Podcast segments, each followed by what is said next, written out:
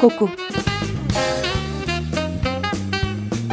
Kokudan gelen ve kokuya giden şeylerin tartışıldığı program.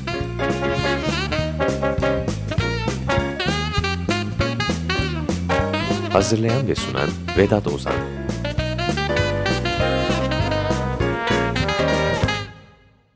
Merhaba ben Vedat Ozan. Bir koku programına daha hoş geldiniz. Daha 1950'lerde William Masters ve Virginia Johnson iki ünlü cinsellik araştırmacısı kokuların cinsel uyarıyı etkilediğini söylüyorlardı. Ancak yıl 1950 idi ve o zamanlar için günümüzdeki kadar hassas ölçümler yaparak tüm varsayımlarını kanıtlama olanakları yoktu. Geriye dönüp baktığımızda koku ve cinsel uyarı arasında dolaysız bir bağ kuran başkaları da var elbette. Programımıza pek çok kez konu olan Sigmund Freud mesela koku duyusunun evrimsel süreç içinde bilincin altına bastırılmasının sebebini eğer bu duyu önceliğini terk edip bastırılmasaydı ve erkeği cinsel olarak uyarmaya devam etseydi erkekler sürekli bir uyarılmışlık hali içinde neredeyse hep erekte olarak dolaşacaklardı diye ifade ediyordu. Ona göre koku duyusunun diğer duyular arasında alt sıraya itilmesi aynı zamanda libidonun başka alanlara kaymasına ve yaratıcılığın gelişmesine yol açan olgulardan önemli bir tanesiydi. Gene Freud'a göre ödipal çelişkinin açıklanmasında erkek çocuğun ergenlik dönemi sürecinde babasının kokusundan uzaklaşması ve annesinin kokusuna kuvvetli ve olumlu anlamlar yükleyerek bağlanması unutulmaması gereken bir gerçekti. Ödipal çelişkinin zıttı olan elektra kompleksinin açıklanması sürecinde ise Freud nedense koku duyusunu söz konusu etmiyordu. Şimdi müsaadenizle tarihin ve psikanalizin analizin dolambaçlı koridorlarından bugünlerimize gelelim. Amerika Birleşik Devletleri'nde bulunan Koku ve Tat Araştırmaları Vakfı yani bilindik İngilizce ismiyle Smell and Taste Research Foundation'da vakfın yöneticisi Dr. Alan Hirsch'ın dikkatini bir şey çekiyor 1990'lı yıllarda. Koku duyusu kaybının yani anozmiyanın nedenleri üzerine çalışırken araba kazalarının ve bu nedenle baş bölgesine alınan darbelerin sonradan oluşan koku duyusunun yitimi vakalarının çoğunun sebebini oluşturduğunu görüyor. Ama asıl ilginç olan bu şekilde yani bir kaza veya benzeri travma nedeniyle oluşan koku duyusu kaybı vakalarında kayba uğrayanların %25'i olaydan sonra cinsel yetersizlik sorunu yaşadıklarını da kendilerine verilen küçük anket formunu doldururken işaretliyorlar. Aslında hayvanlar üzerine yapılan testlerde erkek cinsel fonksiyonları ile koku duyusu arasında direkt bir bağlantı belli ve saptanmış durumda. Yani erkek farenin koku alma merkezi bloke edildiğinde veya tamamen çıkarıldığında o hayvancağız çiftleşmeye karşı olan ilgisini tamamen kaybediyor. Hem hayvanlardan alınan bu veriler hem de kazayla koku duyusunu yitirenlerin koku duyusu yitiminden sonra cinsel yetersizlik sorunu yaşamakta olduklarını belirtmeleri Dr. Hershey işin farklı yönlerine bakmaya ve neler yapılabilir diye düşünmeye itiniyor. Şöyle düşünüyor Dr. Alan Hish, eğer koku alma yeteneğinin kaybı cinsel fonksiyonlarında kaybına yol açıyorsa o zaman demek ki cinsel uyarı için koku olmazsa olmaz bir öğe. İnsanlara koku koklatarak onların cinsel olarak uyarılmalarını sağlayabilir, bu uyarının seviyesini ölçebilir ve hatta daha da ileri gidip manipüle edebiliriz edebiliriz yani onları yönlendirebiliriz. Bu hipotezin endüstriyel ve ahlaki gerekçesi de bu yolla iktidarsızlık sorununa alternatif çözümler üretmek. Araştırmalar için kendilerine bu çerçeveyi çizen vakıf ekibi ve başlarında Dr. Alan Hirsch bu konudaki ilk deneyi 1994 yılında gerçekleştiriyorlar. Denekler 25 gönüllü erkek tıp öğrencisi. İyi de bu genç gönüllü öğrencilerin deney sırasında cinsel açıdan ne kadar uyarıldıkları nasıl ölçülecek? Bunun için penis gövdesi içindeki kan akışını ölçmek gerekiyor ve bu kan akışının da İngilizce standart bir ismi var. Penile blood flow deniyor. Nasıl ölçülüyor peki penisteki kan akışı? Gayet basit. Penise küçük bir kelepçe takılıyor ve bu kelepçe de aslında basit bir tansiyon cihazı ve kan basıncını ölçmeye yarıyor. Yani her zaman kullanılandan farklı olarak bu cihaz biraz daha küçük ve kola değil de penise takılıyor. Zaten gerek cinsel fonksiyon bozuklukları gerek iktidarsızlık olsun bu tip sorunlarla ilgili çalışmalar hep bu yöntemle yapılıyor. Penise takılan bu tansiyon cihazından başka klasik yöntemlerle kola da bir tane normalinden ama tansiyon cihazı takılıyor ki bütün vücudun kan basıncında toplu olarak bir değişim oluyorsa deneyin sonucunu etkilememesi için bunun olduğu durumlar elenebilsin ve vücudun geri kalanından bağımsız sadece penis bölgesindeki hareketlilik kayda geçirilebilsin. Çift kör nokta yöntemi uygulanıyor deneyde. Yani ne denekler ne de deneyi uygulayan teknisyenler hangi kokuların verildiğini veya kokuların ne sırayla verildiğini bilmiyorlar. Bir başka açıdan baktığımızda isimsiz bir koku algısı söz konusu yani. Her denek kokuları burunlarına taktıkları bir ameliyat maskesi vasıtasıyla teneffüs ediyor. Her değişik kokulu ameliyat maskesi de en az bir dakika takılı kalıyor ki Hawthorne efekti kapsam dışında kalabilsin. Hemen kısa bir açıklama yapalım. Nedir Hawthorne efekti? Efendim bu terim Henry Landsberger tarafından bulunup literatüre geçirilen bir terim. Aslında 1924 ile 1932 yılları arasında Western Electric şirketine ait Hawthorne işletmelerinde yapılan verimlilik arttırma çalışmalarında buluyor anlamını.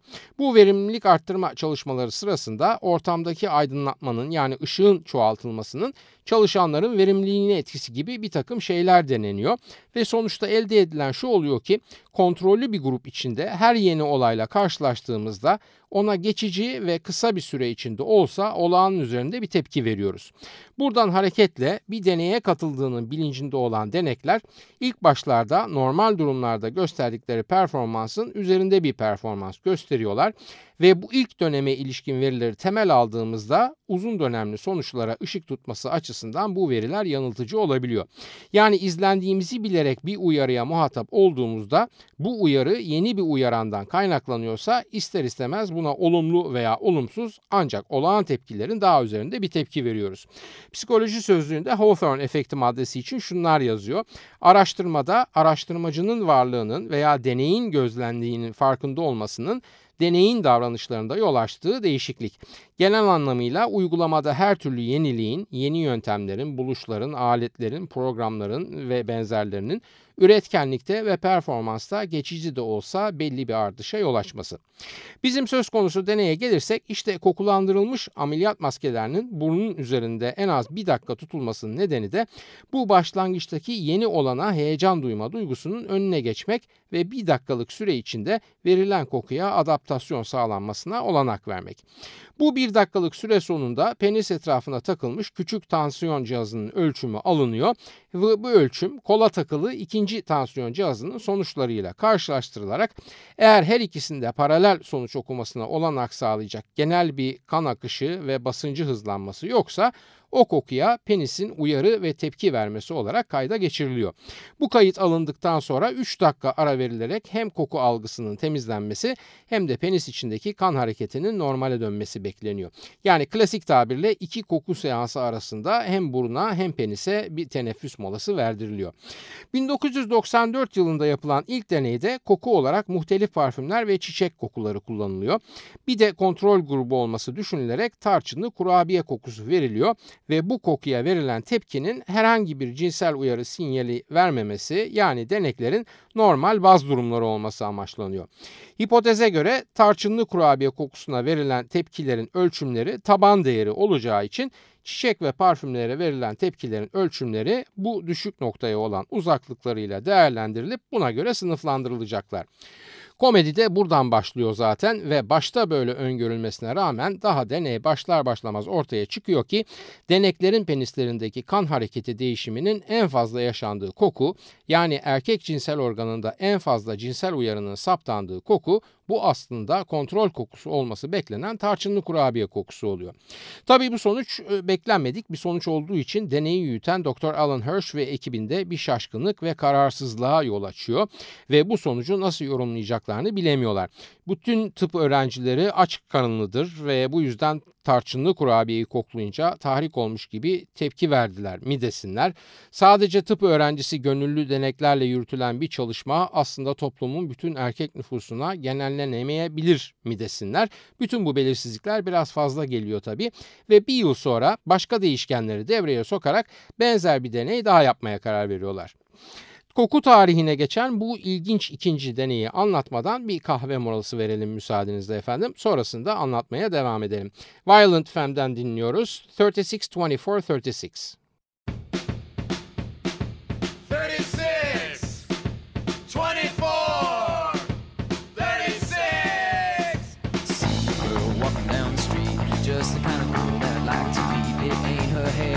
Clothes or feet. Some that are much more discreet. I ain't alive, baby, I ain't proud. I just want what I'm not allowed.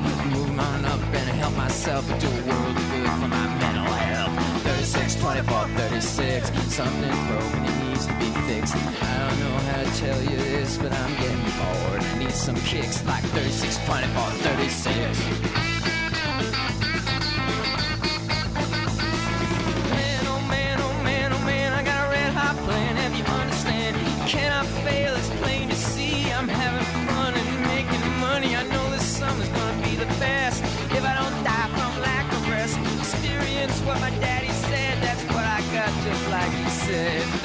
36, 24, 36 Something was broke but I got it fixed. I don't know if I should tell you this but I was getting bored. And I got my kicks like 36, 24, 36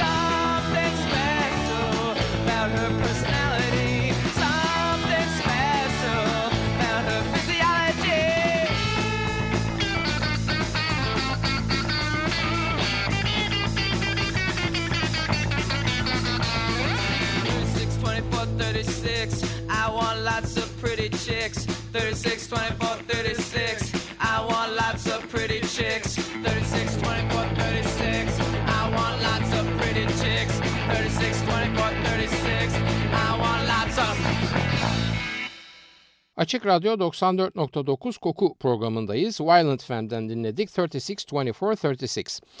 Dr. Alan Hish ve araştırmacı ekibi 1995 yılında bu kez fakültedeki tıp öğrencileri camiasının dışına çıkarak daha geniş kapsamlı, farklı meslek grupları ve değişik yaşlardaki denekleri içeren bir deney grubu oluşturuyorlar. Bunun içinde konuk izleyicisi olan radyo programlarına gidip izleyiciler arasından yaşları 18 ile 64 arasında değişen 31 erkeği deney için kaydediyorlar. Deneyde kullanılan kokular farklı koku kategorilerinden seçilen 30 değişik koku. Bu kokuların bazıları birbiriyle birleştirilip koku örneği sayısını 46'ya çıkarıyorlar ve bir yıl önce yapılan ilk deneydekine koşut bir protokolle bütün denekler bu 46 kokuyla muhatap oluyorlar. Deneyi uygulananlara sonraları gelen tepki genelde erkeklerin bir laboratuvar ortamında erkeklik organlarına birer tansiyon cihazı takılı iken nasıl cinsel olarak uyarılmış olacakları oluyor. Oysa biliyoruz ki hem kokulara verilen tepkiler hem de cinsel uyarı genel olarak istemsiz gerçekleşen durumlar. Kan vücudumuzun içinde sürekli dolaşıyor ve penisteki kan akışı da değişik uyaranlara bağlı olarak farklılıklar gösterebilir. Bu deneyde de uyaran dediğimizde tabii ki deneklere koklatılan kokuları yani parfüm, çiçek ve yiyecek kokularını anlıyoruz. Deneyi gerçekleştiren Koku ve Tat Araştırmaları Vakfı yani bir Amerikan kuruluşu ve deneklerde Amerikalılar. Dolayısıyla her toplumda olduğu gibi cinsel başlıklarla ilgili çalışmalar orada da hem hafiften utandırıcı hem de hafif utanmaya rağmen oldukça eğlenceli geliyor insanlara. Hele bir de buna deney sonucunda ortaya çıkan ve penisteki kan hareketinin en fazla tespit edildiği yani bir erkeği cinsel olarak en çok uyaran kokunun lavantayla bal kabaklı turta kokularının karışımı bir koku olduğunu düşünürseniz eğlencenin ve dolayısıyla araştırma sonuçlarına olan ilginin büyüklüğünü tahmin edebilirsiniz. 30 koku örneği var ve bunların bir kısmı ikili karışım haline getirilerek 46 örneğe çıkarıldı koku örnekleri demiştim. Bu bahsettiğim ikili karışımlardan lavanta ve bal kabaklı turta kokularının karışımı erkek cinsel organındaki kan basıncının %40 arttırarak en uyarıcı koku olarak bilimsel literatüre geçiyor. İkinci en uyarıcı kokuysa tahmin edebileceğiniz gibi ilk deneyde kontrol kokusu olarak kullanılıp bütün ezberleri bozan tarçınlı kurabiye kokusu. İşin ilginci en erekte edici koku olarak ortaya çıkan lavanta ve bal kabağı turtası karışımı kokuya en yüksek tepkiyi veren erkek denek bu tepkiyi verdiği sırada uyuklamakta. Ne demiştik az önce? Hem koku algısı hem de cinsel uyarıya ilişkin tepkilerimiz aslında istemsiz tepkiler ve uyukluyor da olsak doğa işlevini yerine getiriyor. Bahis konusu muhterem de uyuklarken kokudan birinci derecede uyarılı veriyor. Diğer kazanan kokular diyebileceğim yani kuvvetli penis ereksiyonuna sebep olan kokular arasında meyan kökü ve vanilyalı çörek karışımı kokusu var. Vanilyalı çörek derken burada bir Amerikan çöreği olan donut'ı kastediyorum. Bu karışım koku da yani meyan köküyle donut kokularının karışımı da penisteki kan hareketini %31.5 arttırarak ilk sıralara yerleşiyor. İyi de herkes kazanırsa kaybeden kim olacak? Elbette uyarı sıralamasının alt basamaklarına yerleşen bir takım kokular da araştırmanın kaybedenleri olarak tarihe geçiyorlar. Mesela kızılcık kokusu bütün deneyin en başarısız kokusu oluyor ve penis içindeki kan hareketini sadece %2 oranında arttırabiliyor. Meyan kökü kendine üst sıralarda yer bulmasına rağmen çikolata erkeklerde hiç de beklenildiği gibi bir etki yapmıyor ve sondan ikincilikte onun payına düşüyor. Ereksiyon gücü fazla olan kokular arasında patlamış mısır, portakal ve misk de var. Genelde bakıldığında etkinin fazla olduğu kokuların tekil kokular değil de karışım kokular olduğu gözleniyor. Bu da sanırım doğal çünkü doğal ortamımızda kokuları tekil olarak değil başka kokularla beraber aygılıyoruz. E, hele ki bu bir yiyecek kokusuysa. Tabii bütün sonuç parametreleri sadece şu daha fazla uyardı, bu daha fazla uyardı şeklinde değil. Dikkatli bir gözle bakıp verileri doğru incelediğimiz zaman farklı okumalara da ulaşabiliyoruz bu deneyin sonuçlarından. Mesela bunlardan biri yaşlı erkeklerin vanilya kokusundan uyarılmalarının gençlere oranla çok daha güçlü olduğu.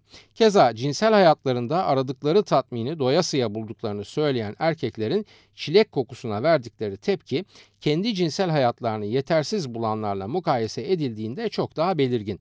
Küçük bir not deney grubu sadece heteroseksüel erkeklerden oluşmuyor ve içlerinde homoseksüel erkekler de var.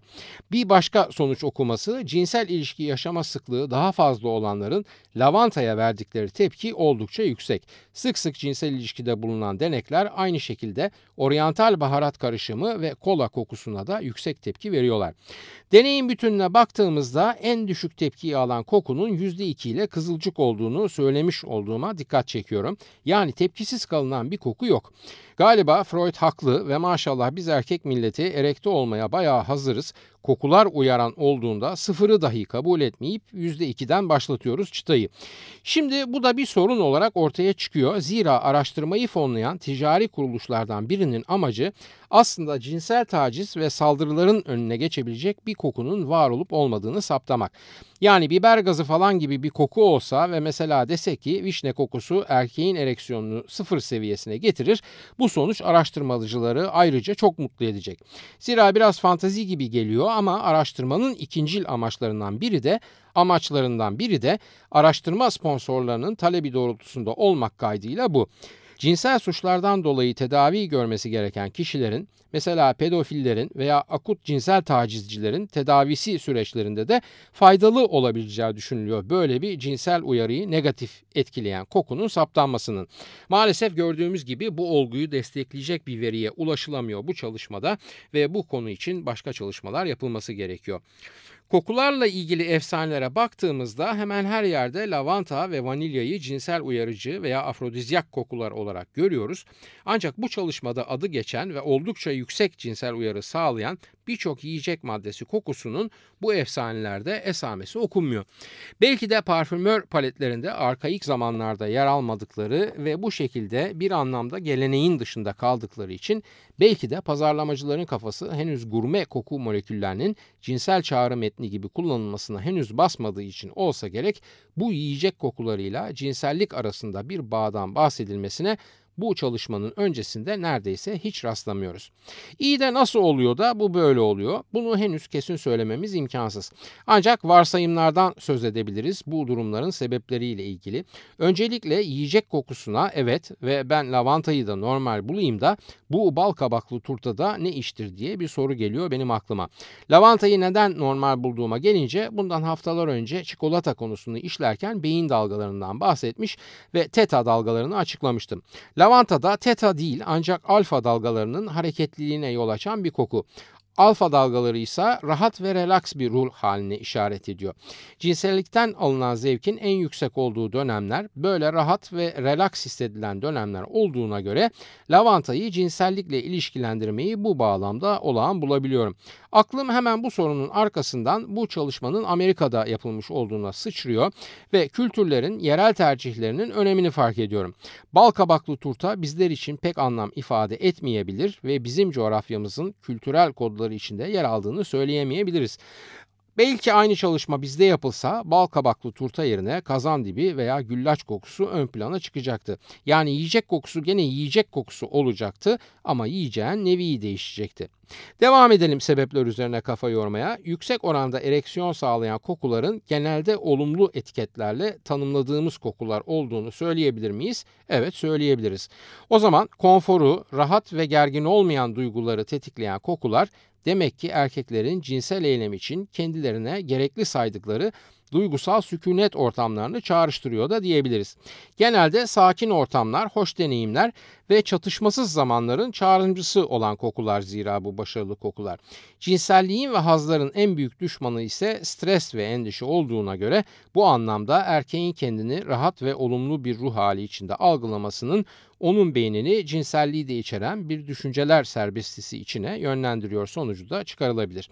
Ama belki de daha ileri giderek bir de şunu diyebiliriz. Yiyecek kokuları erkeklere Pavlovyan bir tepkime içinde eşlerini çağrıştırıyor ve bu da cinselliği de içeren bir ilişkiler bütünü için gerekli uyarıyı sağlayabiliyor. Evrimsel bir bakış açısından bu olayı irdelemeye çalıştığımızda da kendimizi fazla zorlamadan bazı sebeplere ulaşabiliyoruz. Mesela yiyecek ve cinselliğin türün devamı için gerekli muhteşem bir mekanizmanın önemli iki öğesi olduğu gibi bir sebebe siz ne dersiniz?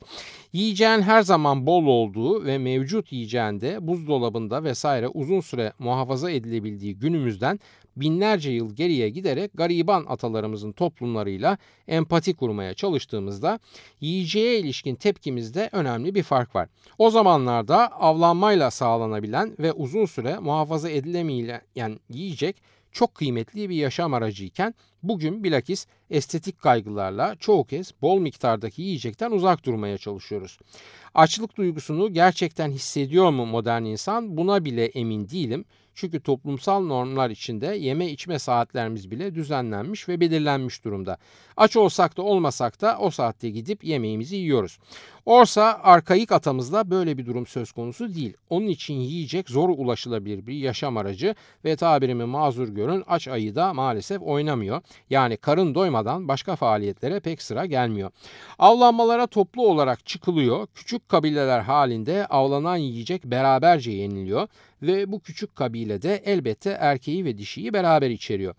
Yiyeceğin kokusuyla topluluğun kokusu ilkel göçmen yaşam tarzı bağlamında birbirine paralel olarak hareket ediyor ve topluluğun kokusu aynı zamanda cinsel birleşme taraflarının ve olasılığının da bir göstergesi. Yani istesek de istemesek de yemekle cinsellik arasında bir bağ söz konusu.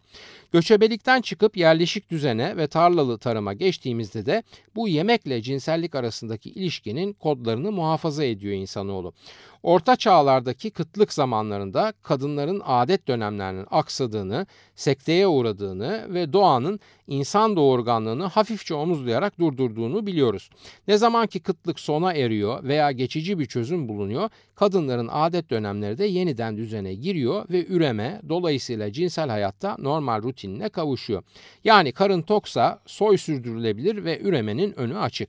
Diyebilirsiniz ki üremenin ve nüfus çoğalmasının önüne geçmek için binbir yol icat edilmiş olan modern zamanlarda bu denekler akılsız ve sorumsuz insanlar mı ki bu kadar ilkel duygu uyaranların etkisinde kalıp hala üremeyi düşünebiliyorlar. Bunun için de yiyecek kokularını duyduklarında tahrik oluyorlar. Cevaben şunu söylemek isterim. Deneklerin verdikleri tepkinin üreme arzusundan çok o üremeyi sağlayan eylemle ilgisi var. Bizler için üreme ile cinselliği farklı bağlamlarda değerlendirmeyi öğrenili çok oldu. Ya da biz öyle zannediyoruz ama doğa hala üreme temelli arzuları başka elbiseler giydirerek hayatımızı içine dahil etmeye devam ediyor ki türün devamı sağlanabilsin, soy sürekli kılınabilsin. Bir başka açıdan bakarsak şöyle de diyebiliriz. Orgazm beynimizde koku duyusunun da işlendiği limbik sistemimiz içinde yer alan keyif verici yoğun bir elektrik patlamasından başka bir şey değildir aslında ve tabiat anada biz tavşanlara galiba bu havucu uygun görmüş kovalamamız için. Haftaya bir başka kokuda buluşmak üzere hepinize iyi günler dilerken soru, öneri ve eleştirileriniz için e-posta adresimizi hatırlatıyorum kokuprogrami.yahoo.com Yayınlarımızda geçen konulara ilişkin görselleri her zaman olduğu gibi facebook.com Taksim adresinde görebilirsiniz efendim. Ben Vedat Ozan, radyonuz kokusuz kalmasın sevgilerimle.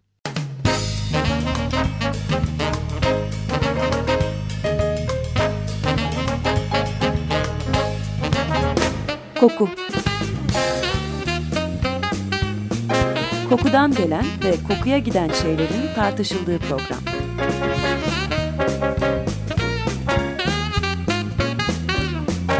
Hazırlayan ve sunan Vedat Ozan